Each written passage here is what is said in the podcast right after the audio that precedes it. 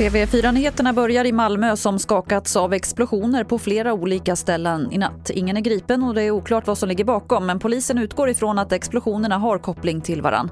TV4-nyheternas Micke Nilsson är på plats vid en av explosionerna. Det är murbruk och det är tegelstenar som har kastats runt om. Eh, det har ju varit detonationer tätt in på varandra inom loppet av 45 minuter. Och vid ett av flerfamiljshusen på Nydalavägen, ja där blev hela huset, eh, åttavåningshuset, tvungen att evakueras i samband med den här detonationen. Personer sprang ut i morgonrockar och flipflop. Så att det har varit ett väldigt dramatiskt uppvaknande för många här i Malmö i natt. Brottsoffermyndigheten höjer ersättningen till kvinnor som utsatts för kvinnofridsbrott från en grundnivå på 30 000 kronor och uppåt till mellan 50 och 100 000 kronor. Enligt myndigheten beror höjningen dels på ett minskat penningvärde och dels på att straffen för kvinnofridskränkning har blivit strängare.